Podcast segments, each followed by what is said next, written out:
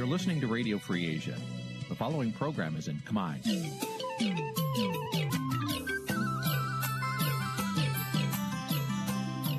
នេះជាកម្មវិធីផ្សាយ Vuthu Azizi Serai នេះជាកម្មវិធីផ្សាយរបស់ Vuthu Azizi Serai ជាភាសាខ្មែរ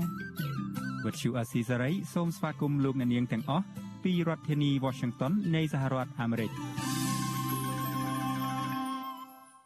ចាប់ផ្សាយផ្ទាល់ពីរដ្ឋធានី Washington នាងខ្ញុំខែសុណងសូមជម្រាបសួរលោកនាងកញ្ញាប្រិយមិត្តអ្នកស្ដាប់និងទស្សនាការផ្សាយរបស់វិទ្យុអាស៊ីសេរីទាំងអស់ជាទីមេត្រីចា៎នាងខ្ញុំសូមជូនកម្មវិធីផ្សាយសម្រាប់យប់ថ្ងៃពុធ8កើតខែមិញឆ្នាំឆ្លូវត្រីស័កពុទ្ធសករាជ2565ដែលត្រូវនៅថ្ងៃទី9ខែកុម្ភៈគ្រិស្តសករាជ2022ចា៎ជាដំបូងនេះសូមអញ្ជើញលោកនាងស្ដាប់ព័ត៌មានប្រចាំថ្ងៃដែលមានមេតិការដូចតទៅ thank you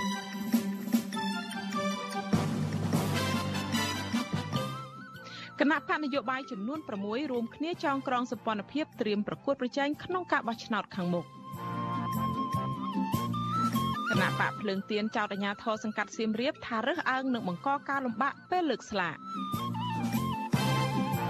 តុលាការក្រុងភ្នំពេញឃុំខ្លួនកោតក្រ Nagawal 3នាក់បន្ថែមទៀតដាក់ពន្ធនាគាររឿងរារាំងវិធានសុខាភិបាល អង្គការអាត6ស្នើរដ្ឋាភិបាលបញ្ឈប់ការប្រើប្រព័ន្ធតុលាការចោទប្រកាន់និងឃុំខ្លួនពលរដ្ឋក្នុងរឿងវិវាទដីធ្លីរួមនឹងព័ត៌មានផ្សេងៗមួយចំនួនទៀត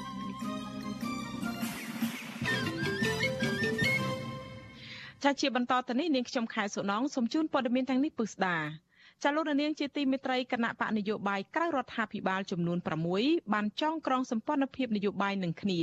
អ្នកវិភាគនយោបាយលើកឡើងថាដើម្បីឲ្យគណៈបកនយោបាយទាំងនោះមានកម្លាំងខ្លាំងពួកគេគួរនាំគ្នាបង្កើតជាគណៈបកធំមួយចាលោកនាងនឹងបានស្ដាប់សេចក្តីរាយការណ៍នេះពុស្ដានៅពេលបន្តិចទៀតនេះ thank you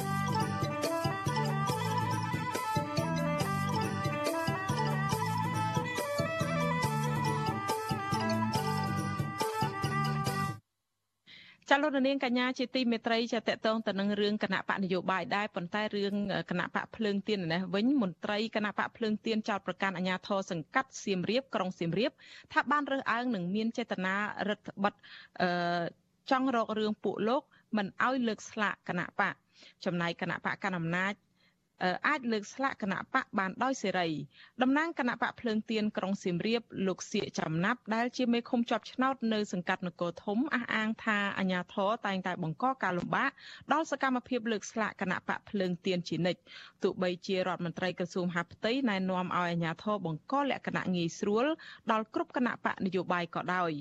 លោកបន្តថាហេតុផលរបស់អាញាធរសង្កាត់សៀមរាបមានចរិតគៀបសង្កត់និងបំបត្តិសិទ្ធិនយោបាយសុទ្ធសាធដូច្នេះពួកគាត់មិនអាចទទួលយកបាននោះទេពួកលោកនឹងរក្សាជំហរជួបជុំគ្នាប្រមាណ30នាក់នៅថ្ងៃទី13ខែកុម្ភៈនៅវេលាម៉ោង2រសៀលដដែលដើម្បីលើកស្លាកគណៈបកនៅខាងមុខផ្ទះសកម្មជនតាមសេចក្តីជូនដំណឹងរបស់បកដាក់ជូនទៅសាលាសង្កាត់សៀមរាបកាលពីថ្ងៃទី8ខែកុម្ភៈកន្លងទៅ ចាអ្នកការលើកឡើងនេះគឺក្រោយពេលដែលរដ្ឋបាលសង្កាត់សៀមរាបបានបដិសេធសេចក្តីជូនដំណឹងរបស់តំណាងគណៈបកភ្លើងទៀនក្រុងសៀមរាបចំនួន2ដងដែលជូនដំណឹងអំពីការលើកស្លាកគណៈបកភ្លើងទៀននេះ។ កាលពីលើកទី1អាញាធរអះអាងថាទីតាំងដែលគណៈបកបានសុំលើកស្លាកនៅក្នុងសង្កាត់សៀមរាបនេះគឺជាដីចំណីស្ទឹងសៀមរាបឯការបដិសេធលើកទី2នោះគឺអាញាធរលើកហេតុផលថាស្ថិតនៅផ្លូវក្រវ៉ាត់ក្រុងដូច្នេះចៅសង្កាត់ដូច្នេះចៅសង្កាត់សៀមរាបតម្រូវឲ្យគណៈបកភ្លើងទៀនដាក់សំណើសុំលើកស្លាកនេះម្ដងទៀតតំណាងគណៈបកភ្លើងទៀនលោកសៀកចំណាប់អះអាងថាអាញាធរមានចេតនាមិនល្អក្នុងការរករឿងពួកគាត់ ព្រោះថាទីតាំងដែលត្រូវលើកស្លាកនោះមិនស្ថិតនៅលើដីចំណីស្ទឹងឬក្រវ៉ាត់ក្រុងនោះទេតែគៀកនៅរបងផ្ទះរបស់សកម្មជនបកតែម្ដង ស្លាកបករបស់គណៈបកកណ្ដាលអំណាចអាចលើកបានដោយសេរី និងដង្ហែពេញដងផ្លូវនោះ។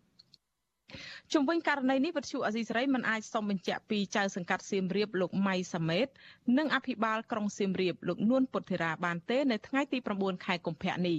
មិននេះមិនមែនជាលើកទី1ទេដែលអាជ្ញាធររើសអើងនិងបង្កការលំបាកដល់សកម្មភាពលើកស្លាកគណៈបកភ្លើងទៀនកាលពីពេលថ្មីៗនេះអាជ្ញាធរខេត្តសៀមរាប ធ្លាប់លួចកាត់ស្លាកគណៈបកភ្លើងទៀននិងស្លាកគណៈបកប្រជាធិបតេយ្យមូលដ្ឋានចោលម្ដងហើយដោយចោទថាលើកលើចំណីផ្លូវដែលត្រូវពង្រីកចំណែកអាជ្ញាធរខេត្តត្បូងឃ្មុំក៏ធ្លាប់រៀបរៀងដល់សកម្មភាពលើកស្លាកគណៈបកភ្លើងទៀនដែរកាលពីថ្ងៃទី7ខែកុម្ភៈរដ្ឋមន្ត្រីក្រសួងមហាផ្ទៃបានចេញលិខិតស្នើដល់រដ្ឋមន្ត្រីដល់មន្ត្រីថ្នាក់ក្រោមនៅឯថ្នាក់ក្រោមជាតិនៅទូទាំងប្រទេសផ្ដល់មធ្យោបាយងាយស្រួលដើម្បីឲ្យគណៈបកនយោបាយស្របច្បាប់អាចធ្វើសកម្មភាពនយោបាយត្រៀមខ្លួនចូលរួមការបោះឆ្នោតក្រុមប្រឹក្សាគុំសង្កាត់និងការបោះឆ្នោតតំណាងរាស្ត្រឆ្នាំ2022និង2023ឲ្យមានលក្ខណៈសេរីត្រឹមត្រូវយុត្តិធម៌ស្របតាមគោលការណ៍លទ្ធិប្រជាធិបតេយ្យសេរីពហុបក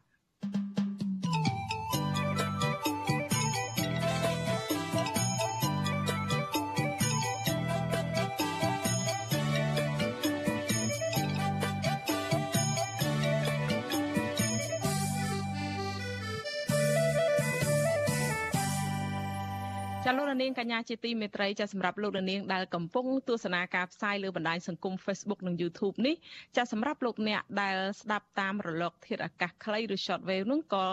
ដំណើរគ្នានៅក្នុងការផ្សាយផ្ទាល់នេះលោកនាងក៏អាចបើកស្ដាប់តាម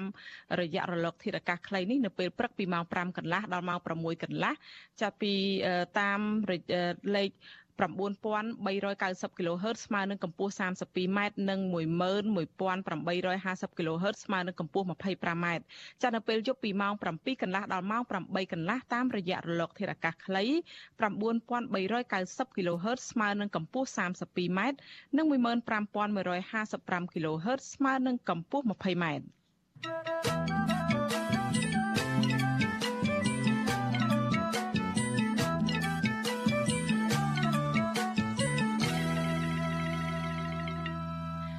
ចាលោកនាង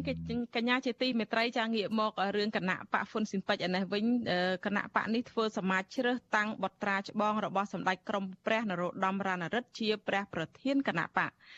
គណៈបរិជានិយមនេះបានជ្រើសរើសអនុប្រធានចំនួន3នាក់និងកែប្រែលក្ខន្តិកៈអតិភិបចំនួន9ចំណុចឆ្ពោះទៅរកការបោះឆ្នោតក្រុមប្រឹក្សាឃុំសង្កាត់ឆ្នាំ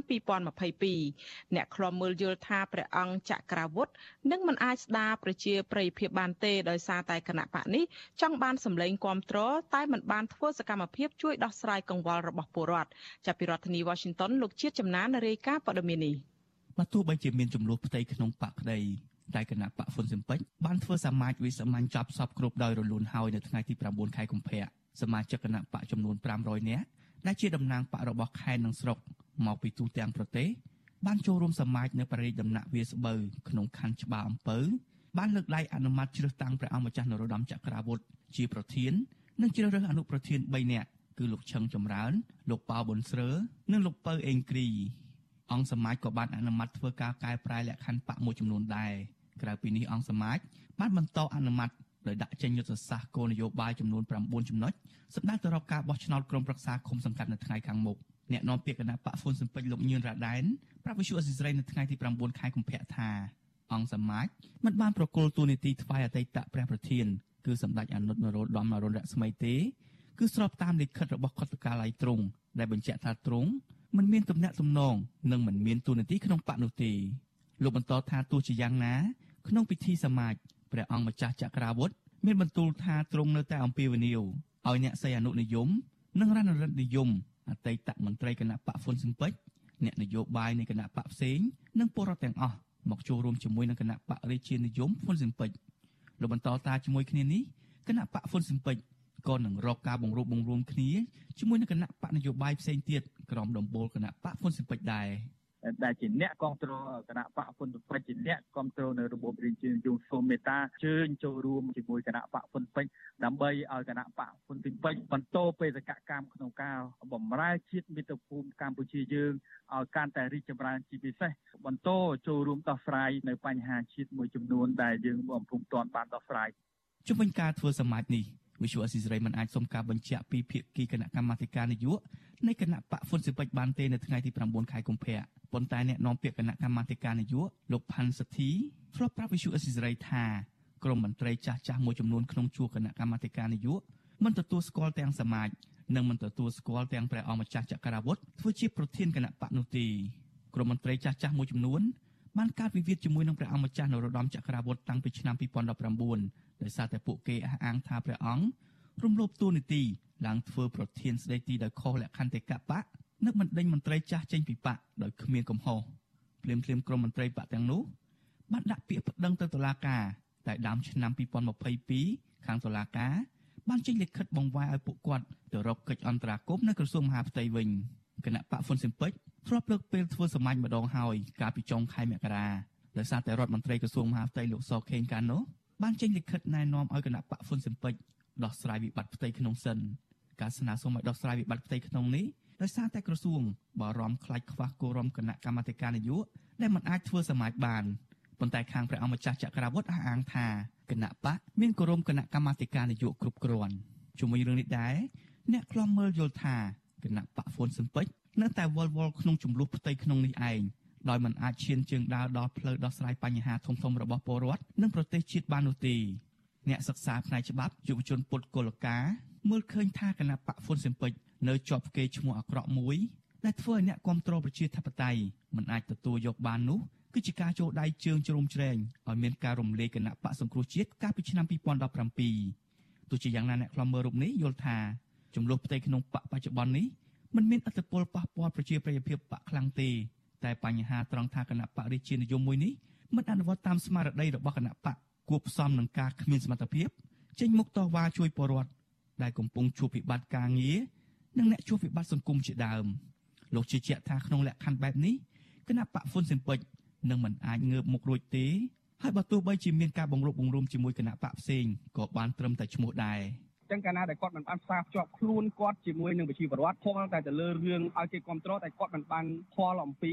សេចក្តីសុខរបស់ប្រជាពលរដ្ឋដែលត្រូវការឲ្យអ្នកនយោបាយទាំងអស់ដែលពាក់ព័ន្ធនឹងចូលរួមដោះស្រាយឬក៏គ្រប់គ្រងពួកគេទេខ្ញុំគិតថាទោះបីគាត់ធ្វើគោលនយោបាយឬក៏គាត់ចូលរួមសកម្មភាពនយោបាយបោះឆ្នោត50 60ឆ្នាំខាងមុខទេខ្ញុំគិតថានៅតែប៉ុណ្ណឹងនៅតែអត់កើនការគ្រប់គ្រងហើយនៅគ្រាន់តែជាគណៈបកដែលចាំតែគម្រប់កិច្ចឲ្យរដ្ឋាភិបាលតែប៉ុណ្ណោះឯងគណៈបកហ្វុតស៊ិនពេជ្របង្កើតឡើងដោយព្រះបាទនរោត្តមសីហនុ ក្នុងស្មារតីប្រឆាំងរបបសាធារណរដ្ឋប្រជាមានិតកម្ពុជាដែលគ្រប់គ្រងដោយកងទ័ពវៀតណាមពីឆ្នាំ1979ដល់ឆ្នាំ1989គណៈបកនេះធ្លាប់ឈ្នះការបោះឆ្នោតដឹកនាំរដ្ឋាភិបាលនៅអាណត្តិទី1ឆ្នាំ1993ប៉ុន្តែក្រោយពីការបង្កើតរដ្ឋាភិបាលចម្រុះជាមួយនឹងគណៈបកប្រជាជនកម្ពុជានឹងមានចំនួនផ្ទៃក្នុងមកគណៈបរិជានិយមមួយនេះ បានចុះទុនខ្សោយជាបន្តបន្ទាប់រហូតអស់ប្រជាប្រិយភាពតាមរយៈការមិនទទួលបានអាសនៈក្នុងរដ្ឋសភាសូម្បីតែមួយខ្ញុំបាទជាចំណាន Visual Assisray ពីរដ្ឋធានី Washington ចាលោករនាងកញ្ញាជាទីមេត្រីលោករនាងកំពុងស្ដាប់នឹងទស្សនាការផ្សាយរបស់វិទ្យុអាស៊ីសេរីមន្ត្រីរដ្ឋាភិបាលកម្ពុជាសម្ដែងមោទនភាពដែលលោកនាយករដ្ឋមន្ត្រីហ៊ុនសែនត្រូវបានសហរដ្ឋអាមេរិកអញ្ជើញឲ្យទៅចូលរួមកិច្ចប្រជុំកំពូលពិសេសអាស៊ានអាមេរិកដែលអាចនឹងប្រព្រឹត្តទៅនៅសេតវិមានប្រធានាធិបតីនៅរដ្ឋធានី Washington នាពេលខាងមុខនេះ។ក៏ប៉ុន្តែក្រុមអ្នកវិភាគយល់ថាបកុំតែកម្ពុជាធ្វើជាប្រធានបដូវវេនអាស៊ាន ឬដើម្បីក្របខ័ណ្ឌតំបន់នោះទេនោះសហរដ្ឋអាមេរិកក៏នឹងមិនអញ្ជើញមេដឹកនាំដែលមានប្រវត្តិរំលោភសិទ្ធិមនុស្សនិងប្រជាធិបតេយ្យរូបនេះជាលក្ខណៈទ្វេភាគីក្នុងទំនាក់ទំនងរដ្ឋនឹងរដ្ឋនោះដែរជាពិសេសស្របពេលដែលសហរដ្ឋអាមេរិកកំពុងដាក់ទណ្ឌកម្មលើមន្ត្រីរដ្ឋាភិបាលកម្ពុជាជាបន្តបន្ទាប់នោះចាលោកនាងនឹងបានស្ដាប់សេចក្តីរាយការណ៍នេះលម្អិតនៅពេលបន្តិចទៀតនេះ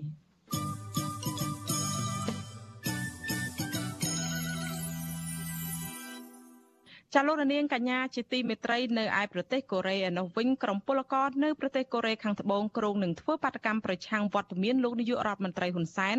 ក្នុងពេលលោកទៅទទួលពានរង្វាន់សន្តិភាពនៅទីនោះដែលផ្ដល់ដោយមូលនិធិសុនហាអ្នកវិភាគថាលោកហ៊ុនសែននឹងទទួលបានពានរង្វាន់សន្តិភាពคล้ายៗខណៈដែលលោកដឹកនាំប្រទេសតាមបែបគៀបសង្កត់សេរីភាពប្រជាពលរដ្ឋនិងបំបត្តិសម្លេងអ្នកប្រឆាំងចាប់ពីរដ្ឋធានី Washington លោកទីនសាការីយ៉ារាយការណ៍ព័ត៌មាននេះ ក្រុមពលករនៅប្រទេសកូរ៉េខាងត្បូងនឹងធ្វើបាតកម្មប្រឆាំងលោកហ៊ុនសែនក្នុងពេលលោកទៅទទួលពានរង្វាន់សន្តិភាពសុនហៈនៅទីក្រុងសេអ៊ូលប្រធានគណៈកម្មការនយោបាយនៃចលនាប្រជាធិបតេយ្យគណៈបកសង្គ្រោះជាតិប្រចាំប្រទេសកូរ៉េខាងត្បូងលោកសសុខេមឲ្យវិទ្យុអាស៊ីសេរីដឹងថាលោកនឹងដឹកនាំពលករធ្វើបាតកម្មនៅទីក្រុងសេអ៊ូលនៅយប់ថ្ងៃសៅរ៍ទី12និងបន្តដល់ព្រឹកថ្ងៃអាទិត្យទី13កុម្ភៈលោកបញ្ជាក់ថាលោកហ៊ុនសែនមិនស័ក្តិសមជាមេដឹកនាំទទួលបានពានរង្វាន់សន្តិភាពនេះទេក្នុងពេលលោកកំពុងតែដឹកនាំប្រទេស ដោយគៀបសង្កត់និងចាប់ចងប្រជាពលរដ្ឋដាក់គុកច្រវាក់ឥតឈប់ឈរនោះយើងនឹងធ្វើបាតកម្មដើម្បីទី1គឺឲ្យលោកហ៊ុនសែននឹងត្រូវតែគោរព ច្បាប់គោរពសិទ្ធិមនុស្សគោរពលទ្ធិប្រជាធិបតេយ្យនៅកម្ពុជាហើយនឹងឲ្យដាក់ឲ្យគណៈបកសង្គ្រោះជាតិដំណើរការឡើងវិញអានឹងជាគោលបំណងធំរបស់យើង ហើយមួយទៀតនោះយើងក៏រិះគន់ចំពោះការទទួលមេដាយសន្តិភាពនឹងដែរពីព្រោះយើងជឿជាក់ថាលោកហ៊ុនសែនកំពុងតែប្រើល្បិចយកមេដាយនេះអាចយកទៅប្រើប្រាស់បន្លំភ្នែកអន្តរជាតិអ្នកនាំពាក្យគណៈបកប្រជាជនកម្ពុជាលោកសុកអេសានឲ្យដឹងថា លោកនាយរដ្ឋមន្ត្រីហ៊ុនសែននឹងទៅចូលរួមកិច្ចប្រជុំកំពូលពិភពលោកឆ្នាំ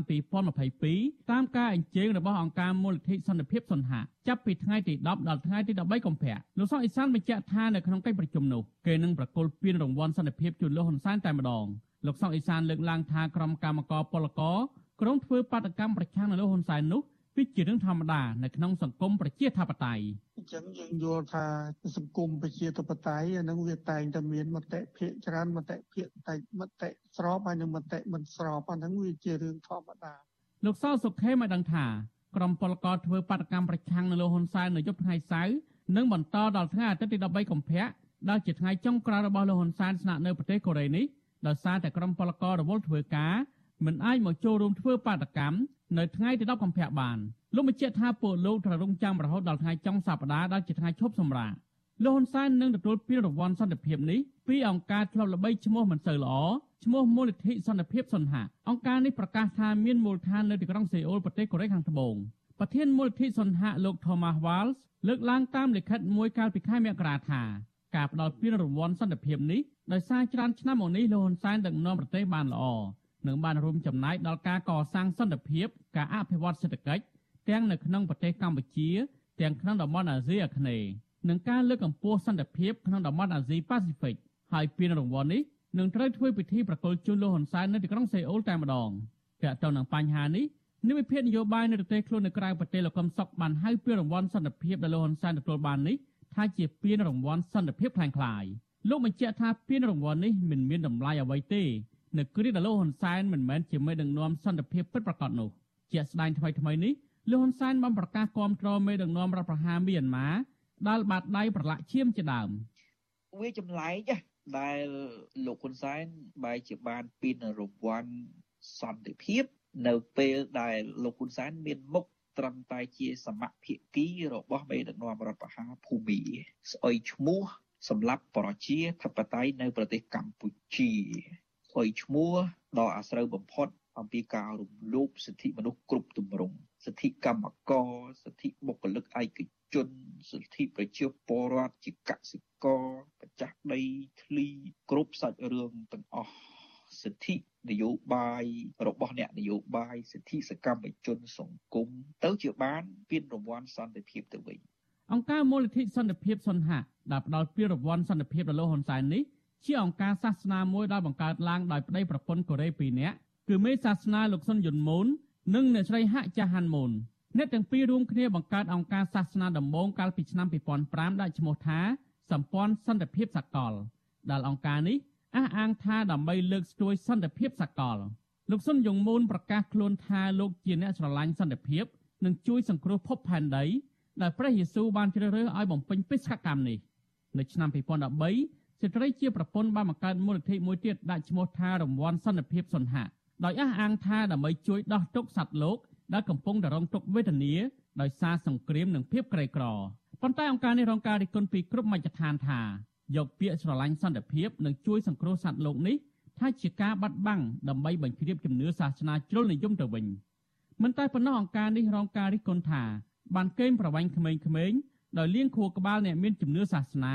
និងបោកប្រាស់ប្រាក់កាសពីពួកគេថែមទៀតផងលោកសុនយងមូនធ្លាប់មានប្រវត្តិជាប់ពន្ធនាគារនៅអាមេរិកកាលពីឆ្នាំ1982ដោយសារតែលួចបន្លំកិច្ចពន្ធអាមេរិកតុលាការអាមេរិកកាត់ទោសឲ្យលោកជាប់ពន្ធនាគារ18ខែ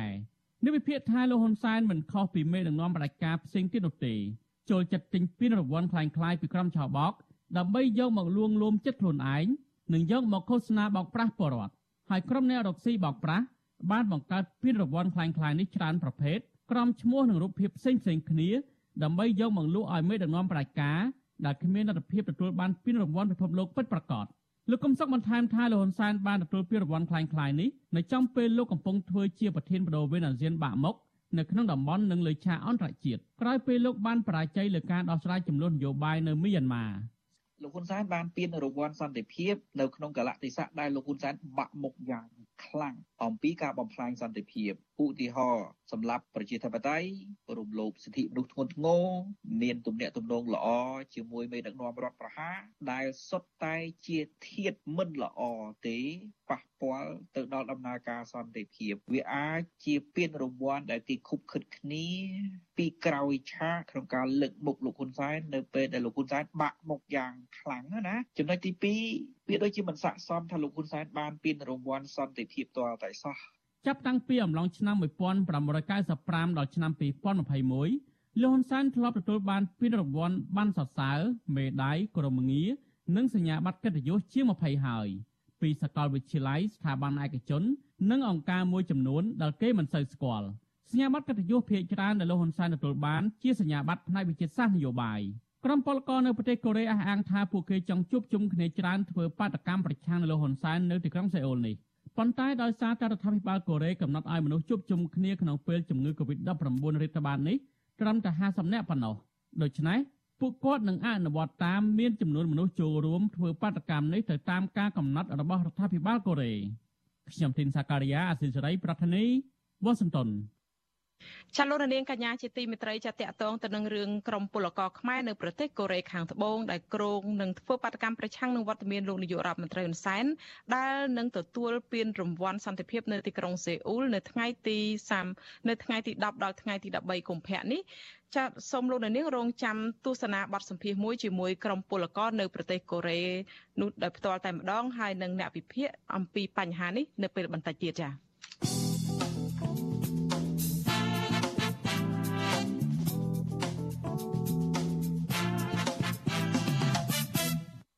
ចាលោកនាងកញ្ញាជាទីមេត្រីចាងាកមករឿងការរីករាលដាលនៃជំងឺ Covid-19 វិញកម្ពុជារកឃើញអ្នកឆ្លងជំងឺ Covid-19 ចំនួន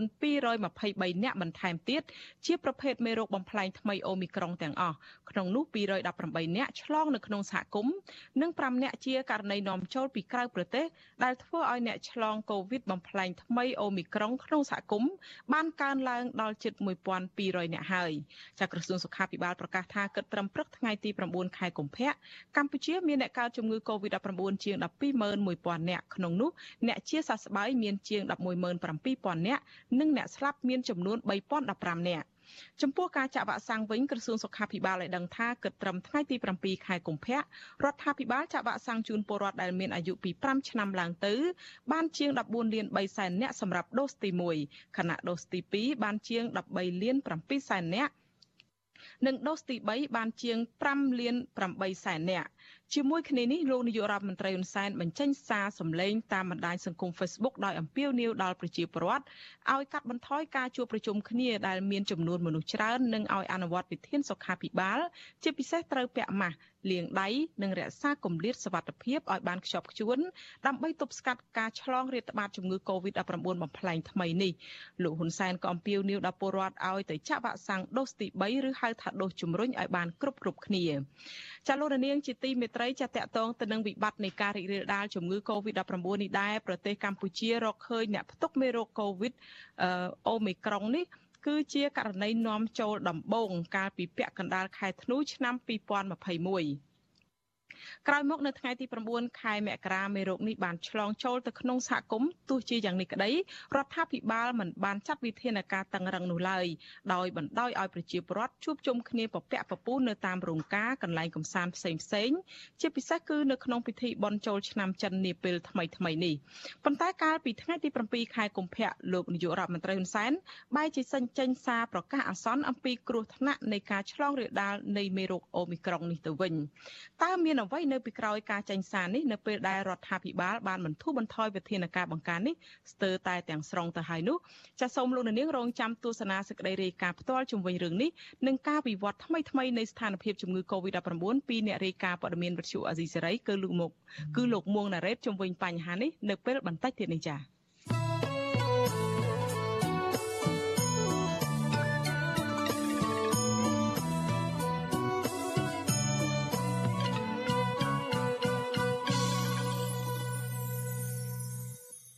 ចចាលោកនាងកញ្ញាជាទីមេត្រីចាងាកទៅរឿងបញ្ហាក្រុមកម្មករ Nagavel ឯនោះវិញចាតុលាការក្រុងភ្នំពេញឃុំខ្លួនកម្មករ Nagavel 3នាក់ដែលធ្វើកោតកម្មកន្លងមកដាក់ពន្ធនាគារពាក់ព័ន្ធទៅនឹងការរារាំងវិធានសុខាភិបាល ប្រឆាំងជំងឺ Covid-19 មន្ត្រីអង្គការសង្គមស៊ីវិលចាត់ទុកការឃុំខ្លួនកម្មករ Nagavel 3នាក់បន្ថែមទៀតនេះថាមិនមែនជាដំណោះស្រាយដែលអាចបញ្ចប់វិវាទការងារនៅក្រុមហ៊ុនបនលបៃមួយនេះបានទេចាសូមស្ដាប់សេចក្តីរាយការណ៍របស់អ្នកស្រីសុជីវីចៅក្រមស៊ើបសួរនៃសាលាដំបងរាជធានីភ្នំពេញអ្នកស្រីអុករ៉េតគុន្ធាចេញដីកាឃុំខ្លួនកូនតក Nagavel 3នាក់បណ្ដោះអាសន្ននៅពន្ធនាគាររាជធានីភ្នំពេញហៅកាត់ថាពេជីនៅរសៀលថ្ងៃទី9ខែកុម្ភៈក្រោមបទចោទថាបានរារាំងវិធានសុខាភិបាលត្រង់មាត្រា11នៃច្បាប់ប្រយុទ្ធប្រឆាំងជំងឺ Covid-19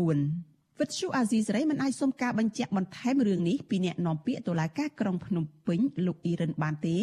ដោយហៅទូរស័ព្ទចូលតែពុំមានអ្នកទទួលតាក់ទងរឿងនេះនាយករងទទួលបន្ទុកផ្នែកឃ្លាំមើលសិទ្ធិមនុស្សនៃអង្គការលីកាដូលោកអំសំអាតមានប្រសាសន៍ថាការឃុំខ្លួនកោតក្រ Nagawal ទាំង3នាក់ហើយបន្តស្វែងរកមនុស្ស4នាក់ទៀតនៅក្នុងបទចោទតែមួយបែបនេះមិនមែនជាដំណោះស្រាយដែលអាចបញ្ចប់វិវាទការងារ នៅក្រុមហ៊ុនបនលបែងមួយនេះបានទេផ្ទុយទៅវិញវាធ្វើឲ្យវិវាទនេះកាន់តែរីកធំឡើង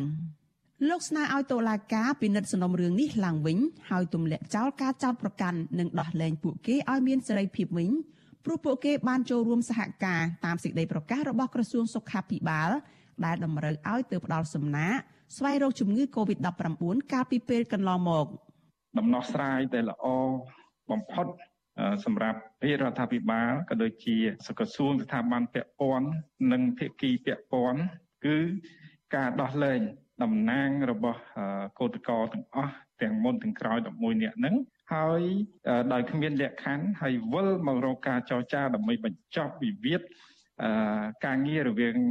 ក្រុមហ៊ុន Nagavel ជាមួយនឹងក្រុមកោតក្រអានឹងជាដំណោះស្រាយល្អបំផុតដើម្បីបញ្ចប់វិវាទនឹងដោយសន្តិវិធី បាទហើយអានឹងគឺมันមានការរិះគន់ហើយពួកគាត់ក៏មិនត្រូវបានទទួលរងភាពអយុត្តិធម៌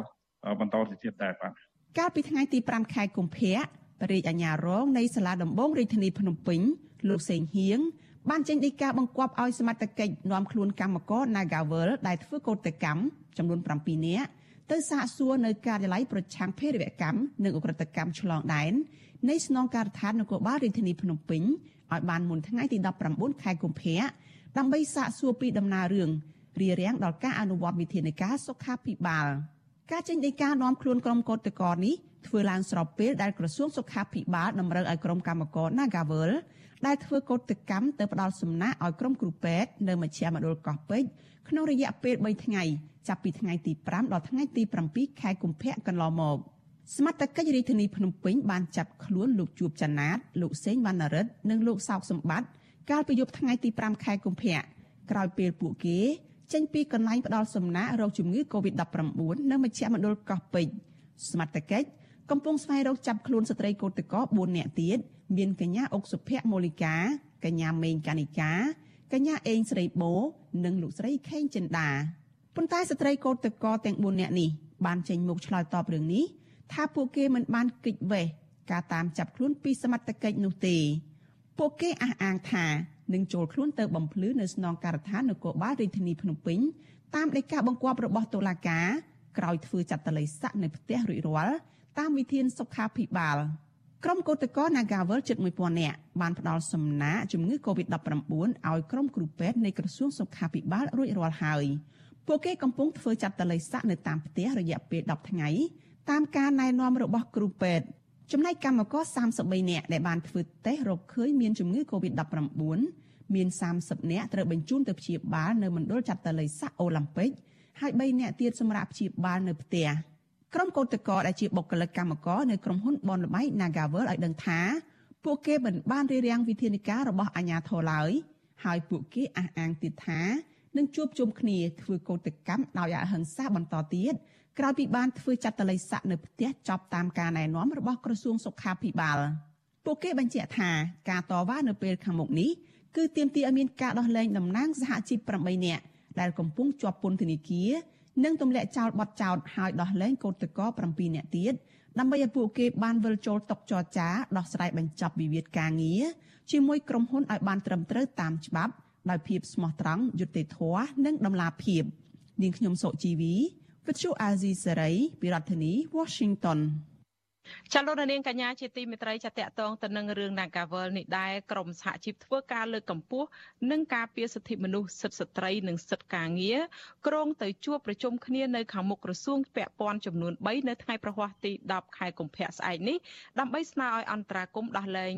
ដោះស្រាយវិវាទការងារនិងដោះលែងសហជីពនិងកម្មករ Nagavel ចំនួន11នាក់ដែលកំពុងជាប់ឃុំឲ្យមានសេរីភាពឡើងវិញ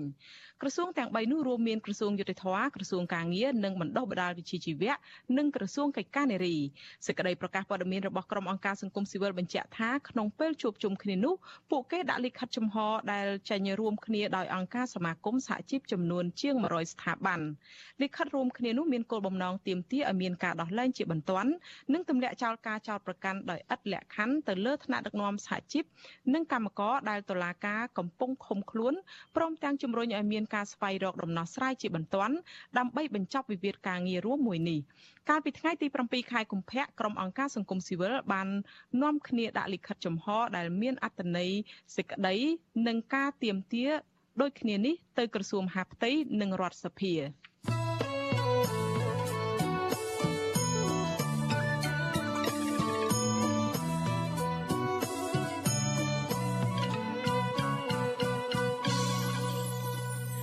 ចាលោករនាងកញ្ញាជាទីមេត្រីចារឿងគណៈបកនយោបាយវិញគណៈបកនយោបាយក្រៅរដ្ឋាភិបាលចំនួន6បានចងក្រងសម្ព័ន្ធភាពនយោបាយនឹងគ្នាអ្នកវិភាគនយោបាយលើកឡើងថាដើម្បីឲ្យគណៈបកនយោបាយទាំងនោះមានកម្លាំងខ្លាំងពួកគេគួរនាំគ្នាបង្កើតជាគណៈបកធំមួយចាសូមស្ដាប់សេចក្តីរាយការណ៍នេះរបស់លោកយុនសាមៀនគណៈបកដែលចងសម្ព័ន្ធភាពនឹងគ្នាពេលនេះភាកច្រើនជាគណៈបកដែលកើតចេញពីអតីតមន្ត្រីគណៈបកសង្គ្រោះជាតិ គណៈបកទាំងនោះរួមមានគណៈបកប្រជាធិបតេយ្យមូលដ្ឋានគណៈបកកម្ពុជានិយមគណៈបកកែតម្រង់កម្ពុជាគណៈបកកម្លាំងប្រជាធិបតេយ្យគណៈបកបំណងពលរដ្ឋនិងគណៈបកភ្លើងទៀន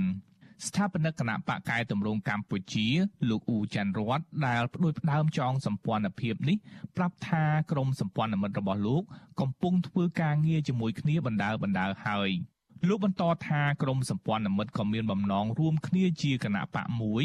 ដែលកើតចេញពីគណៈបកទាំង6នេះដែរប៉ុន្តែសម្រាប់ការបោះឆ្នោតឃុំសង្កាត់ឆ្នាំ2022នេះអាចធ្វើមិនទាន់បានឡើយព្រោះពេលវេលាខ្លីពេកលោកថាគម្រោងនេះអាចលើកយកទៅពិចារណាក្នុងការបោះឆ្នោតជាតិឆ្នាំ2023ខាងមុខ ប៉ុន្តែបើទោះជាពេលវេលានឹងវាខ្លីអីក៏ដោយទោះបីយើងសម្រាប់ការបោះឆ្នោតឃុំនឹងរៀងរៀងខ្លួនក៏ដោយប៉ុន្តែដល់រឿងបោះឆ្នោតជាតិនឹងយើងត្រូវតែជជែកគ្នាមែនតើតើទៅតើធ្វើយ៉ាងម៉េចដើម្បីប្រកួតប្រជែងជាមួយគណៈបកកណ្ដាលអំណាចបាននោះហើយបើយើងនៅបែកគ្នាបែបនេះខ្ញុំជឿថាយើងនឹងពិបាកប្រកួតប្រជែងជាមួយគណៈបកកណ្ដាលអំណាចបាទ ពាក់ព័ន្ធទៅនឹងសម្ព័ន្ធភាពនេះអ្នកនាំពាក្យគណៈបកប្រជាធិបតេយ្យមូលដ្ឋាន លោកលឹកសុធីឲ្យដឹងដែរថា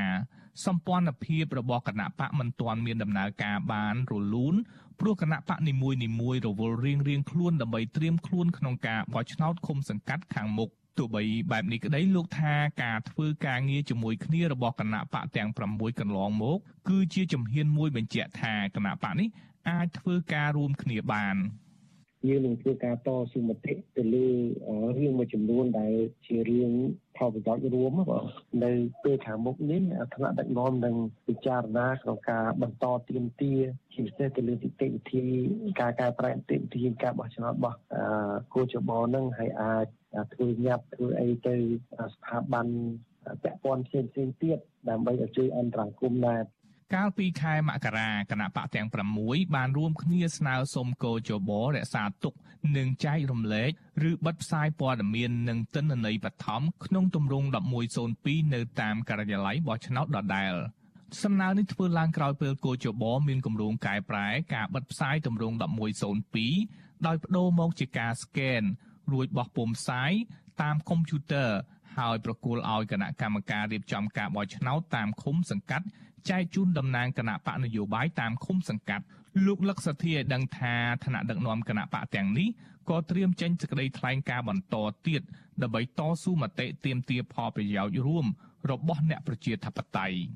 ជុំវិញការរួមគ្នាបង្កើតគណៈបកនយោបាយក្រៅរដ្ឋាភិបាលនេះអ្នកនាំពាក្យរដ្ឋាភិបាលលោកផៃស៊ីផានយល់ថាសម្ព័ន្ធភាពនេះ បង្កើតឡើងដើម្បីតាក់ទាញទឹកចិត្តពលរដ្ឋដែលគ្រប់គ្រងគណៈបកសង្គ្រោះជាតិលោកថាសម្ព័ន្ធភាពនេះគ្មានគុណភាពនយោបាយឡើយហើយក៏មិនបានធ្វើឲ្យគណៈបកប្រជាជនកម្ពុជាបារម្ភនោះដែរ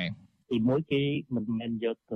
គុណភាពនៃគោលនយោបាយនោះទេគេអត់យកគុណភាពនឹងទេក៏ប៉ុន្តែគេយកចំនួនពេលធ្វើសេចក្តីថ្លែងការណ៍គេយកចំនួនមកដើម្បីយកមកតតាំងតែប៉ុណ្ណឹងដូច្នេះมันមានផលិតប៉ះពាល់ដល់គណៈបព្វជិជនទេគណៈបព្វជិជនគឺយកគោលនយោបាយអនុវត្ត ជុំវិញរឿងនេះដែរអ្នកវិភាគនយោបាយដែលកំពុងភៀសខ្លួននៅប្រទេសហ្វាំងឡង់លោកកឹមសុខយល់ថា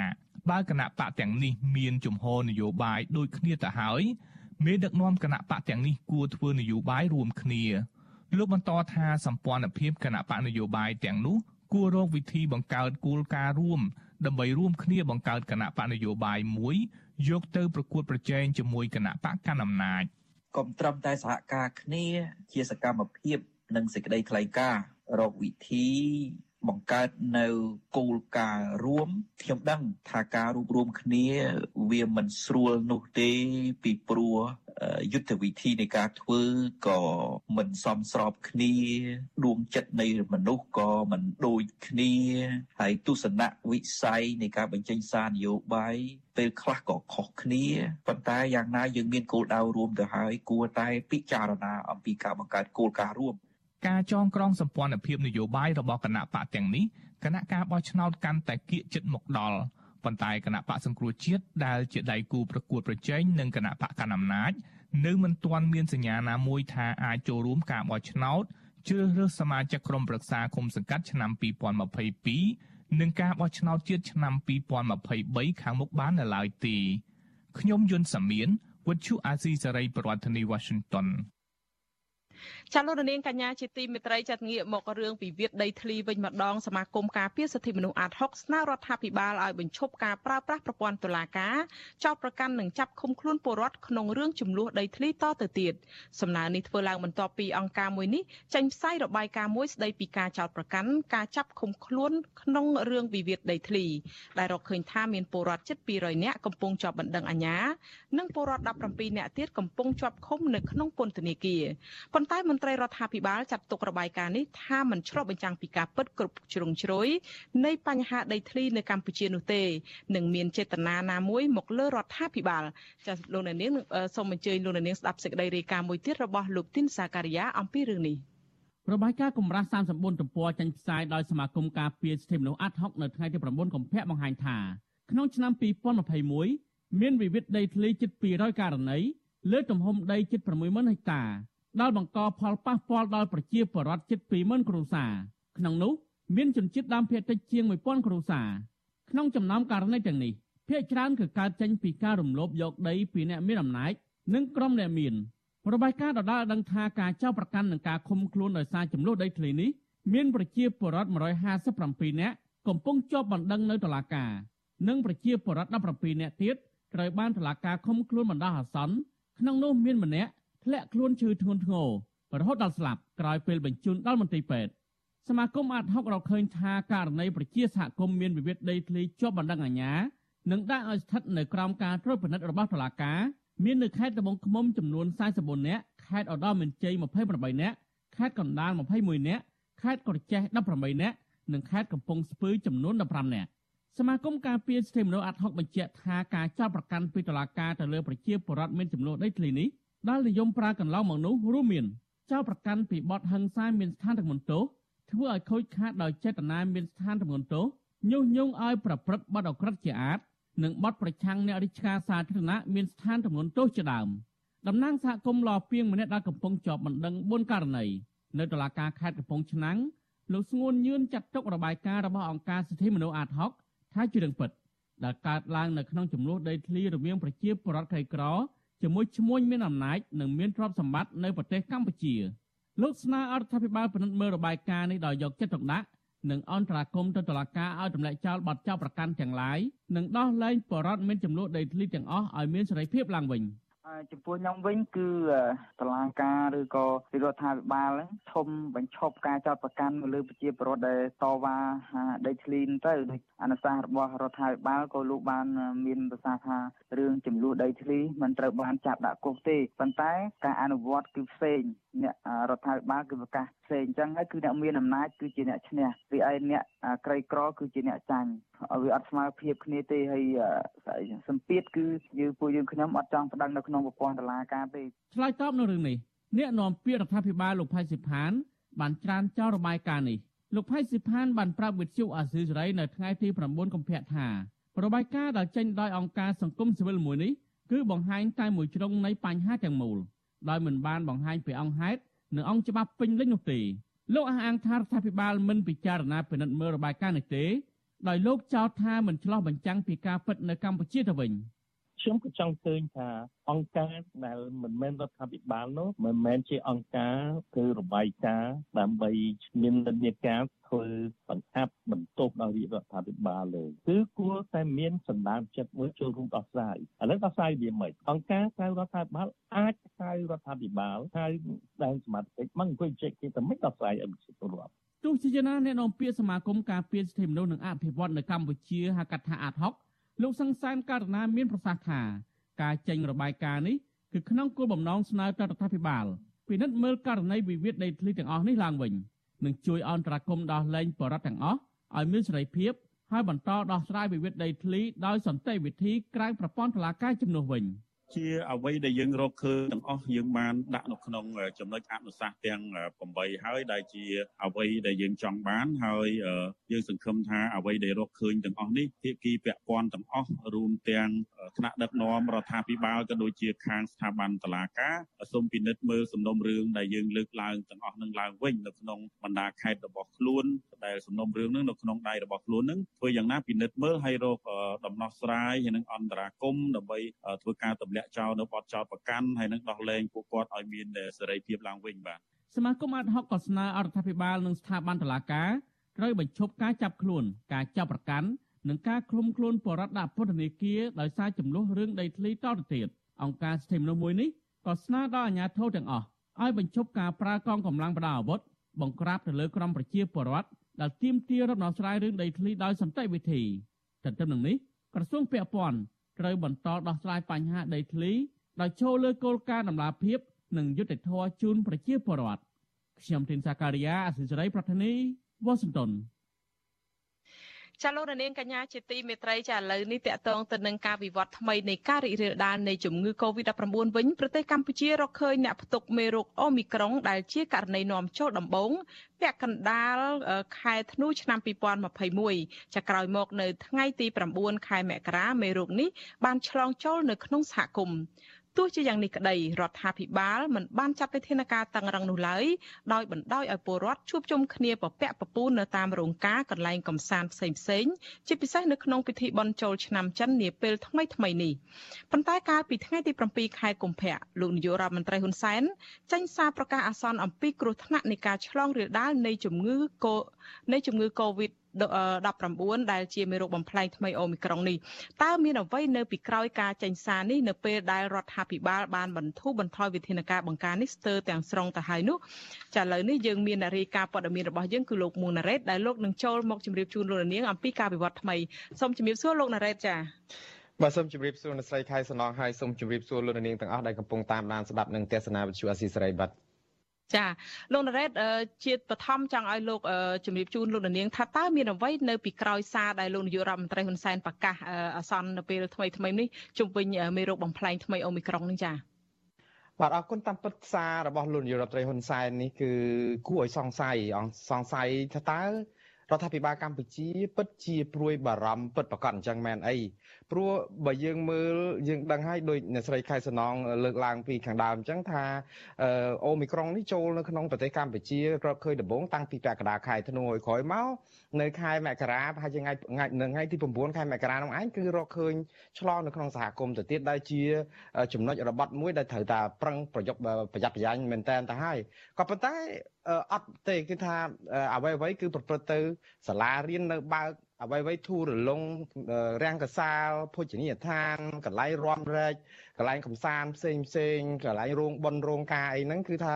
នៅតែមនុស្សប្រពាក់ប្រពូនហើយជាពិសេសដូចយើងដឹងហើយចូលឆ្នាំចិនកាលពីដើមខែកុម្ភៈនេះគឺមនុស្សនៅតែប្រពាក់ប្រពូនទៅជួបជុំគ្នាទៅកន្លែងកំសាន្តទៅអីអញ្ចឹងហោហាយអីអញ្ចឹងមិនមានការប្រកាស ដាក់តឹងតែងអីយ៉ាងណានោះទេក៏ប៉ុន្តែស្រាប់តែក្រោយបង្ក្រាបកោតកោនៅ Nagawal ចេញដោយការចាប់ខ្លួនពួកគាត់អីហោហែហើយស្របនឹងគម្រោងរបស់លោកនាយរដ្ឋមន្ត្រីហ៊ុនសែនថានឹងទៅកូរ៉េនៅថ្ងៃទី12នេះទៅទទួលពានរង្វាន់ពីអង្គការសាសនាអីនោះស្រាប់តែមានរឿងនឹងកាត់ឡើងបាទចាអរគុណច្រើនលោកណារ៉េតឥឡូវនិយាយអំពីថាក្រៅពីរឿងប្រកាសសារប្រកាសអាសន្ននេះតើលោកមើលឃើញថារដ្ឋាភិបាលឬក៏អាជ្ញាធរនោះមានដាក់ចេញនៅវិធានការអីដែរទេចា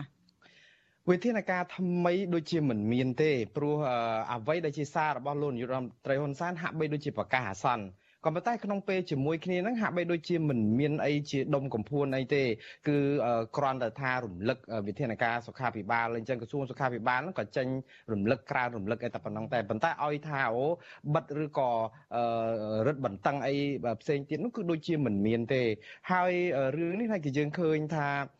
គឺធ្វើតែអញ្ចឹងជាហោហែមកហើយហើយហើយលោកហ៊ុនសែនមិនត្រឹមតែប៉ុណ្្នឹងទៀតទេគឺបង្ហាញថាស្ថានភាពនោះវាធូរស្រាលខ្លាំងណាស់ទៅហើយរហូតដល់ថ្ងៃ7ហ្នឹងគាត់បានប្រាប់ទៀតថាចូលឆ្នាំខ្មែរឆ្នាំនេះ គឺត្រូវតែប្រពឲ្យបានព្រោះដោយសារតែខានចូលឆ្នាំខ្មែរដល់ទៅ2លើកទៅហើយជាប់គ្នា2ឆ្នាំណាដូច្នេះក្នុងន័យហ្នឹងគឺហាក់បីដូចជាលោកមិនបានព្រួយបារម្ភអីសោះហើយសັບតែចេញសារឲ្យទៅជាបារម្ភទៅវិញគ្រាន់តែថាមានជាការជំរុញឲ្យចាក់វ៉ាក់សាំងដូសជំរុញអីអញ្ចឹងដែរក្រសួងសុខាភិបាលពុំមានអីដែរថា យុវវ័យនឹងវ័យកដាលហ្នឹងគឺថាជាអ្នកឆ្លងច្រើនជាងគេដោយសារតែគាត់នឹងចេញទៅក្រៅច្រើនអញ្ចឹងក្រៅតែពីនោះគឺមិនមានជាការដែលបិទឬក៏តឹងតែងអីទៀតទេបាទចាអញ្ចឹងការប្រកាសនេះដូចជាផ្ទុយពីវិធានការដែលធ្វើអីកន្លងមកអីចឹងដែរចាលោកណារ៉េតអញ្ចឹងឥឡូវយើងងាកចេញពីរឿងនៅប្រទេសកម្ពុជា ខាងប្រទេសជិតខាងវិញតើលោកណារ៉េតមើលឃើញថាយ៉ាងម៉េចទៅខាងប្រទេសជិតខាងហ្នឹងការឆ្លងរាលដាលហ្នឹងវាយ៉ាងម៉េចទៅហើយហើយដល់ណាហើយឥឡូវហ្នឹងចា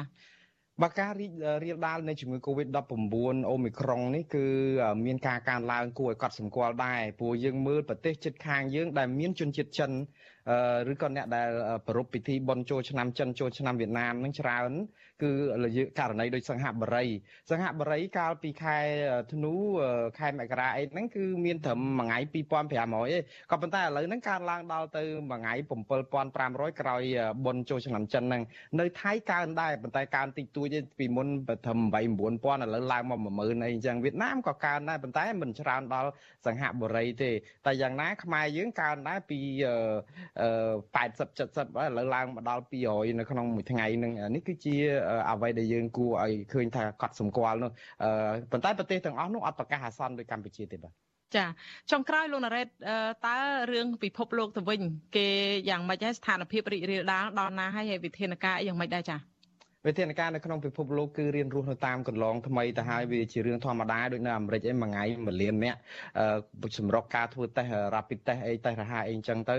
អូស្ត្រាលីឯនោះវិញក៏គេប្រកាសបើកប្រទេសគេឡើងវិញទៅទទួលភ្ញៀវបរទេសអីនៅថ្ងៃទី21ខែកុម្ភៈទៅហើយគាត់ថាអ្វីដែលពិភពលោកជួបបញ្ហាតែរឿងមួយគឺប្រជាពលរដ្ឋភាគច្រើនគឺមិនចង់ចាក់វ៉ាក់សាំងហ្នឹងបាទ ចាមានបាតកម្មមានអីចឹងទៅចាអរគុណច្រើនលោកណារ៉េតដែលបានចូលខ្លួនមកជម្រាបជូនលោកនាងអំពីការវិវត្តថ្មីនៃការរីករាលដាលជំងឺ Covid-19 សូមជម្រាបលាលោកត្រឹមប៉ុណ្ណេះសិនចាអរគុណមកសូមជម្រាបលា ចាលោកនាងកញ្ញាជាទីមេត្រីចារឿងដាច់ដោយឡែកមួយទៀតមន្ត្រីរដ្ឋាភិបាលកម្ពុជាសម្ដែងមោទនភាពដែលលោកនាយករដ្ឋមន្ត្រីហ៊ុនសែនត្រូវបានសហរដ្ឋអាមេរិកអញ្ជើញឲ្យទៅចូលរួមកិច្ចប្រជុំកំពូលពិសេសអាស៊ានអាមេរិកដែលអាចនឹងប្រព្រឹត្តទៅនៅសេតវិមានប្រធានាធិបតីនៅរដ្ឋធានី Washington នាពេលខាងមុខនេះក៏ប៉ុន្តែក្រុមអ្នកវិភាគយល់ថាបកុំតែកម្ពុជាធ្វើជាប្រធានបដូវវេនអាស៊ាន ដើម្បីឬដើម្បីក្របខ័ណ្ឌតំបន់នោះទេនោះសហរដ្ឋអាមេរិកក៏នឹងមិនអញ្ជើញមេដឹកនាំដែលមានប្រវត្តិរំលោភសិទ្ធិមនុស្សនិងប្រជាធិបតេយ្យរូបនេះជាលក្ខណៈទ្វេភាគីឬក្នុងទំនាក់ទំនងរដ្ឋនោះដែរជាពិសេសគឺស្របពេលដែលសហរដ្ឋអាមេរិកកំពុងដាក់ទណ្ឌកម្មលើមន្ត្រីរដ្ឋាភិបាលកម្ពុជាជាបន្តបន្ទាប់នោះចាសសូមលោកនាងស្ដាប់សេចក្តីរាយការណ៍នេះពឹស្ដាដោយលោកមានរិទ្ធ បើទោះបីជាកិច្ចរដ្ឋមន្ត្រីពេលនេះគេនៅមិនទាន់ប្រកាសនៅឡើយថាតើកិច្ចប្រជុំកំពូលពិសេសអាស៊ានអាមេរិកនេះអាចនឹងត្រូវធ្វើឡើងនៅពេលណានិងនៅទីកន្លែងណាជាក់លាក់ក៏ដោយក៏មន្ត្រីរដ្ឋាភិបាលកម្ពុជា បានឆ្លៀតឱកាសប្រើប្រាស់លិខិតដំបងរបស់ប្រធានាធិបតីអាមេរិកយកមកឃោសនាសម្ដែងមោទនភាពរបស់កម្ពុជាគណៈទនកម្មដែលអាមេរិកដាក់មកលើមន្ត្រីរដ្ឋាភិបាលកម្ពុជា នៅមិនទាន់បាត់ចំហាយក្តៅនៅឡើយ មន្ត្រីកម្ពុជាដែលធ្លាប់តែប្រើប្រាស់វោហារស័ព្ទប្រឆាំងអាមេរិកនិងថ្លែងកោតសរសើរមិត្តដែលថែបចិនមិនដាច់ពីមាត់ផងនោះឥឡូវនេះលោកប្រកាសថាការអញ្ជើញរបស់អាមេរិកនេះជាមោទនភាពរបស់កម្ពុជាមន្ត្រីនាំពាក្យរដ្ឋាភិបាលកម្ពុជាលោកផៃស៊ីផានថ្លែងនៅក្នុងសន្និសីទសារព័ត៌មានមួយកាលពីថ្ងៃទី8ខែកុម្ភៈដោយអះអាងថានេះគឺជាលើកទី1ហើយនៅក្នុងប្រវត្តិសាស្ត្ររបស់កម្ពុជា ដែលសហរដ្ឋអាមេរិកអញ្ជើញមេដឹកនាំកម្ពុជាឲ្យទៅចូលរួមប្រជុំដល់សេតវិមានរបស់ប្រធានាធិបតីអាមេរិកដូច្នេះនេះជាលើកទី1របស់ប្រវត្តិសាស្ត្ររបស់កម្ពុជាថ្នាក់ដឹកនាំកម្ពុជាតាំងពី1953មកគឺកម្ពុជាមិនដែលមានថ្នាក់ដឹកនាំរបស់កម្ពុជាតែចូលទៅនៅក្នុងវាយហៅនោះទេ នេះជាលើកទី1ជាមោទនភាពរបស់កម្ពុជា ដែលមានថ្នាក់ដឹកនាំរបស់កម្ពុជា ចូលទៅធ្វើកិច្ចការជាមួយនឹងប្រធានាធិបតីរបស់សហរដ្ឋអាមេរិកហើយក៏ជាមោទនភាពធំណាស់ដែរគឺ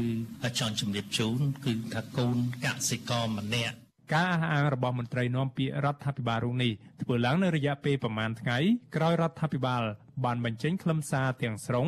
នៃលិខិតឆ្លើយឆ្លងរវាងប្រធានាធិបតីអាមេរិក លោកโจ Biden និងលោកនាយករដ្ឋមន្ត្រីហ៊ុនសែនបើតាមរដ្ឋាភិបាលកម្ពុជាលិខិតរបស់ប្រធានាធិបតីអាមេរិកនេះធ្វើឡើងតាំងពីពាក់កណ្ដាលខែមករាគឺក្រោយពេលដែលលោកហ៊ុនសែនបានជំនះទៅធ្វើទស្សនកិច្ចដ៏ចម្រូងចម្រាសទៅជួបមេដឹកនាំរបបសឹកភូមា លិខិតនោះបញ្ជាក់ពីចេតនារបស់ប្រធានាធិបតីអាមេរិកនៅក្នុងការអញ្ជើញក្រុមមេដឹកនាំអាស៊ានទាំងអស់គឺមិនមែនតែលោកហ៊ុនសែនម្នាក់ឯងនោះឡើយឲ្យមកចូលរួមកិច្ចប្រជុំកំពូលពិសេសអាស៊ានអាមេរិកនៅរដ្ឋធានី Washington នៅក្នុងរយៈពេលប្រមាណខែខាងមុខទៀតនេះដោយមិនទាន់កំណត់ការបរិច្ឆេទជាក់លាក់នៅឡើយទេវិសុវអេស៊ីសរ៉ៃកំពុងតាក់ទងក្រសួងការបរទេសអាមេរិក នៅរដ្ឋធានី Washington ដើម្បីសុំការបញ្ជាក់បន្ថែមជុំវិញពេលវេលា និងទីកន្លែងជាក់លាក់នៃកិច្ចប្រជុំពិសេសនេះក៏ប៉ុន្តែនៅពុំទាន់ទទួលបានការឆ្លើយតបនៅឡើយទេគិតត្រឹមថ្ងៃទី8ខែកុម្ភៈអ្នកជំនាញវិទ្យាសាស្ត្រនយោបាយនិងកិច្ចការអន្តរជាតិលោកអែមសវណ្ណារា យល់ថាកម្ពុជាមិនគួរប្រញាប់បង្ហាញពីមោទនភាពពេកនោះទេពីព្រោះនេះគឺជាការអញ្ជើញទៅចូលរួមកិច្ចប្រជុំជាលក្ខណៈពហុភាគីសម្រាប់តំបន់អាស៊ានទាំងមូលហើយមិនមែនសម្រាប់កម្ពុជាតែឯងនោះទេបើយើងនិយាយនៅក្នុងក្របខ័ណ្ឌតំបន់កម្ពុជាជាប្រធានអាស៊ានហើយសហរដ្ឋអាមេរិកចង់បានគេហៅថានយោបាយមួយនៅក្នុងតំបន់អាស៊ីអាគ្នេយ៍ហ្នឹងគឺ Indo-Pacific ហើយដូច្នេះហើយវាជាតំបន់មួយដែលត្រួតស៊ីគ្នារវាងនឹងយុទ្ធសាស្ត្រ Indo-Pacific ហើយនិង BOI របស់ចិនគំនិតពីដើមផ្លូវខ្សែហ្នឹងប៉ុន្តែបើសិនបើក្នុងក្របខ័ណ្ឌគេហៅថាទ្វេភាគីខ្ញុំគិតថាកម្ពុជាពុំទាន់អាចបកគោប្រកាសថាជាមោទនភាពសម្រាប់ក្នុងការសហរដ្ឋអាមេរិកអញ្ជើញមេដឹកនាំកម្ពុជាទៅ White House ទេក្នុងលក្ខណៈទ្វេភាគីមោទនភាពដែលមន្ត្រីកម្ពុជាលើកឡើងនេះកើតមានឡើងស្របពេលដែលសហរដ្ឋអាមេរិកបានបន្តដាក់ទណ្ឌកម្មជាក់លាក់ មកលើមន្ត្រីជាន់ខ្ពស់កម្ពុជាជាបន្តបន្ទាប់ស្ទើរតែរៀងរាល់ឆ្នាំគឺចាប់តាំងពីមានការរំលាយគណៈបកសង្គ្រោះជាតិមកយ៉ាងហោចណាស់មន្ត្រីនឹងមេឈ្មួញក្រាក់ក្រាក់កម្ពុជាសរុបចំនួន5នាក់ព្រមទាំងសមាជិកសាច់ញាតិបង្កើតនៃក្រុមគ្រួសារនិងក្រុមហ៊ុនរបស់ពួកគេត្រូវបានសហរដ្ឋអាមេរិកដាក់ទណ្ឌកម្មបង្កកទ្រព្យសម្បត្តិនិងរដ្ឋបិទទឹកធការ ទន្ទឹមនឹងនោះសហរដ្ឋអាមេរិកក៏បានដាក់ទណ្ឌកម្មបន្ថែមលើការរដ្ឋបិទការលួចសម្ភារវុធមកឲ្យកម្ពុជាផងដែរលើពីនេះទៀត កាលពីចុងឆ្នាំ2021សហរដ្ឋអាមេរិកបានណែនាំដល់ក្រុមហ៊ុន និងវិនិយោគិនជនជាតិអាមេរិកទាំងអស់ឲ្យប្រុងប្រយ័ត្នមុននឹងមកវិនិយោគលើវិស័យហានិភ័យមួយចំនួននៅកម្ពុជា ជាពិសេសវិស័យហិរញ្ញវត្ថុអចលនទ្រព្យកាស៊ីណូនិងហេដ្ឋារចនាសម្ព័ន្ធព្រមទាំងវិស័យកម្មនសាល និងឈើហូបជាដើមព្រោះថាវិស័យទាំងនោះអាចជាប់ពាក់ព័ន្ធនឹងអំពើរំលោភសិទ្ធិមនុស្សសកម្មភាពឧក្រិដ្ឋឬអំពើពុករលួយជាដើម ក្នុងអាណត្តិរបស់រដ្ឋបាលលោកប្រធានាធិបតី Joe Biden អស់រយៈពេលជាមួយឆ្នាំមកនេះមន្ត្រីជាន់ខ្ពស់បំផុតដែលសហរដ្ឋអាមេរិកបានបញ្ជូនមកកម្ពុជាគឺមានត្រឹមថ្នាក់អនុរដ្ឋមន្ត្រីការបរទេសតែប៉ុណ្ណោះហើយសហរដ្ឋអាមេរិកក៏មិនដែលអញ្ជើញប្រមុខការទូតកម្ពុជា លោកប្រាក់សុខុនឬលោកនាយករដ្ឋមន្ត្រីហ៊ុនសែនឲ្យទៅធ្វើទស្សនកិច្ចផ្លូវការឬផ្លូវរដ្ឋឬជាលក្ខណៈទ្វេភាគីនោះទេម្ដងម្កាលគេឃើញលោកហ៊ុនសែនមានវត្តមាននៅលើទឹកដីអាមេរិក តែនៅពេលដែលមានមហាសន្និបាតរបស់អង្គការសហប្រជាជាតិនៅបូរីញូវយ៉កតែប៉ុណ្ណោះជាទីដែលមេដឹកនាំពិភពលោកទូទៅរួមទាំងមេដឹកនាំផ្ដាច់ការផងអាចទៅចូលរួមប្រជុំបាន នៅក្នុងនាមជាតំណាងរបស់ប្រទេសឬដែនដីរបស់ពួកគេសហរដ្ឋអាមេរិក បានរៀបចំកិច្ចប្រជុំកំពូលពិសេសអាស៊ានអាមេរិកជាលើកដំបូងកាលពីឆ្នាំ2016នៅក្នុងអាណត្តិរបស់ប្រធានាធិបតី Barack Obama ដែលកាលនោះលោកហ៊ុនសែននៅក្នុងនាមជាមេដឹកនាំមួយរូបនៃប្រទេសសមាជិកអាស៊ានក៏ត្រូវបានសហរដ្ឋអាមេរិកអញ្ជើញឲ្យមកចូលរួមកិច្ចប្រជុំនេះដែរកិច្ចប្រជុំនោះធ្វើឡើងនៅមជ្ឈមណ្ឌល Sunnylands នៅរដ្ឋ California ដោយមិនត្រូវបានធ្វើនៅសេតាវិមានរបស់ប្រធានាធិបតីអាមេរិកនៅរដ្ឋធានី Washington នោះឡើយ កិច្ចប្រជុំពិសេសអាស៊ានអាមេរិកនេះធ្វើឡើងក្រោយពេលដែលសហរដ្ឋអាមេរិកនិងអាស៊ានបានសម្រេចលើកកម្ពស់ទំនាក់ទំនងនេះឲ្យคล้ายទៅជាទំនាក់ទំនងភាពជាដៃគូយុទ្ធសាស្ត្រកិច្ចប្រជុំកំពូលពិសេសអាស៊ានអាមេរិកចុងក្រោយដែលក្រុងនឹងធ្វើនៅទីក្រុង Las Vegas នៃរដ្ឋ Nevada នៅខែមីនាឆ្នាំ2020ក្រោមរដ្ឋបាលរបស់លោកប្រធានាធិបតី Donald Trump ត្រូវបានលុបចោលទៅវិញដោយសារតែវិបត្តិជំងឺរាតត្បាតសកល COVID-19 អ្នកជំនាញច្បាប់និងវិជាសាស្ត្រនយោបាយអន្តរជាតិកញ្ញាសេងធីរីយល់ថាសហរដ្ឋអាមេរិករៀបចំកិច្ចប្រជុំកំពូលពិសេសនេះជាមួយក្រុមមេដឹកនាំអាស៊ាននេះឡើងគឺក្នុងគោលដៅដើម្បីរក្សាផលប្រយោជន៍របស់អាមេរិកនៅក្នុងតំបន់អាស៊ានទាំងមូលដើម្បីទប់ទល់ជាមួយនឹងឥទ្ធិពលរបស់ចិនកញ្ញាបន្តថារដ្ឋាភិបាលអាមេរិកអាចនឹងពិចារណាលុបចោលកិច្ចប្រជុំនេះបើសិនបើមានការដាក់សម្ពាធពីពលរដ្ឋអាមេរិកឬពីតំណាងរាស្ត្រនិងសង្គមស៊ីវិលនៅអាមេរិកជាដើម។ តកតងទៅលើសម្ពាធរបស់ប្រជាជនអាមេរិកពិសេសខ្មែរអាមេរិកាំងហើយអង្គការសង្គមស៊ីវិលទៅ Human Rights Watch នៅក្នុងការដាក់សម្ពាធលើរដ្ឋាភិបាល Joe Biden ឲ្យគាត់យល់ដឹងថាគាត់អាចអាម៉ាស់មុខនៅក្នុងការចូលរួមនៅក្នុងការស្វាគមន៍លោកហ៊ុនសែនមកកិច្ចប្រជុំកំពូលនេះ បើអញ្ចឹងអានឹងវាស៊ីសងសម្ពាធពីសង្គមស៊ីវិលហើយប្រជាពលរដ្ឋខ្មែរឬអាមេរិកទាំងចិត្តតងយើងអត់ទាន់ដឹងទេចំណែកឯអ្នកជំនាញកិច្ចការអន្តរជាតិមួយរូបទៀតគឺបណ្ឌិតអៀសផលលោកបញ្យលថាសហរដ្ឋអាមេរិកមានផលប្រយោជន៍ច្រើនពីទំនាក់ទំនងជាមួយតំបន់អាស៊ានតាមរយៈការរៀបចំកិច្ចប្រជុំកំពូលពិសេសនេះ នៅក្នុងនោះសហរដ្ឋអាមេរិកចង់ធានាថាចិននឹងមិនមានឥទ្ធិពលទៅលើតំបន់អាស៊ាន ទាំងផ្នែកសេដ្ឋកិច្ចសន្តិសុខនិងនយោបាយនោះទេសហរដ្ឋអាមេរិកក៏ចង់បានការធានាលើបញ្ហានៃសេរីភាពនិវាចរនៅក្នុងតំបន់សមុទ្រចិនខាងត្បូងបញ្ហាប្រយុទ្ធប្រឆាំងនឹងជំងឺ Covid-19 រួមទាំងការរក្សាពាណិជ្ជកម្មការអភិវឌ្ឍសេដ្ឋកិច្ចរវាងតំបន់អាស៊ាននិងសហរដ្ឋអាមេរិកជាដើម បណ្ឌិតអៀសផល បញ្ជាក់ថាការដែលសហរដ្ឋអាមេរិកអញ្ជើញមេដឹកនាំកម្ពុជានៅក្នុងនាមជាប្រធានបដូវវេនអាស៊ានឲ្យមកចូលរួមកិច្ចប្រជុំពិសេសនេះគឺជារឿងធម្មតា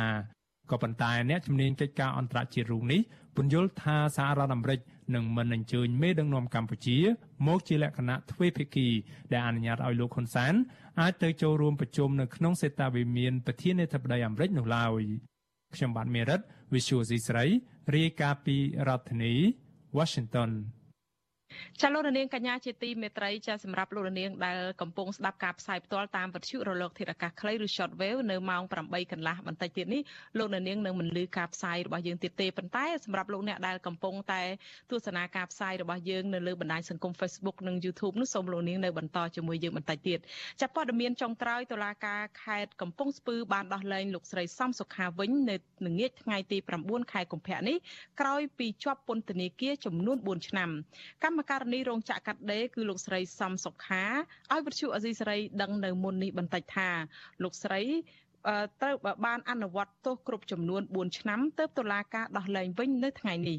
ទោះបីជាយ៉ាងនេះក្តីលោកស្រីឲ្យដឹងថាតុលាការបានដាក់កំណត់ទុកពេលឲ្យលោកស្រីតែមួយថ្ងៃប៉ុណ្ណោះក្រោយពីដោះលែងដើម្បីទៅរកលុយចំនួន10លានរៀលបង់សំណងទៅដើមម្ដងបើមិនមានទេនោះតុលាការនឹងចាប់ដាក់ពន្ធនាគារវិញ។ ណាត់គេសុំគេមួយថ្ងៃសម្រាប់ពិភាក្សាជាមួយក្រុមគ្រួសារខ្ញុំគឺថ្ងៃស្អែកហ្នឹងហើយអឺបើសិនជាខ្ញុំស្វែងរកប្រាក់គេឲ្យខ្ញុំធ្វើកិច្ចសន្យាបើសិនជាខ្ញុំមិនមានប្រាក់បង់សំណង10លានគេនឹងធ្វើតាមនីតិវិធីច្បាប់ហើយខ្ញុំគិតថាបើសិនជាថ្ងៃស្អែកបើខ្ញុំពិភាក្សាជាមួយក្រុមគ្រួសារខ្ញុំទៅបើសិនជាគាត់មិនមានសមត្ថភាពក្នុងការបង់សំណងជូនរដ្ឋ10លានហ្នឹងទេខ្ញុំក៏សម្រេចចិត្តនឹងទទួលទោស6ខែនឹងតាមនីតិវិធីរបស់គេហ្នឹងហើយហើយគេបញ្ជាក់ទៀតណាលោកស្រីកុំចង់ក្រឡះ ប្រព័ន្ធច្បាប់គាត់បញ្ជាតែតាមទូរស័ព្ទគឺលោកស្រីមិនអាចជិះខ្លួនបានខ្ញុំថាមនុស្សដូចខ្ញុំគ្រប់ពាក្យសន្យាបើខ្ញុំមិនមានលុយបង់10លានគឺខ្ញុំសុខចិត្តទទួលទោស6ខែបន្តទៀត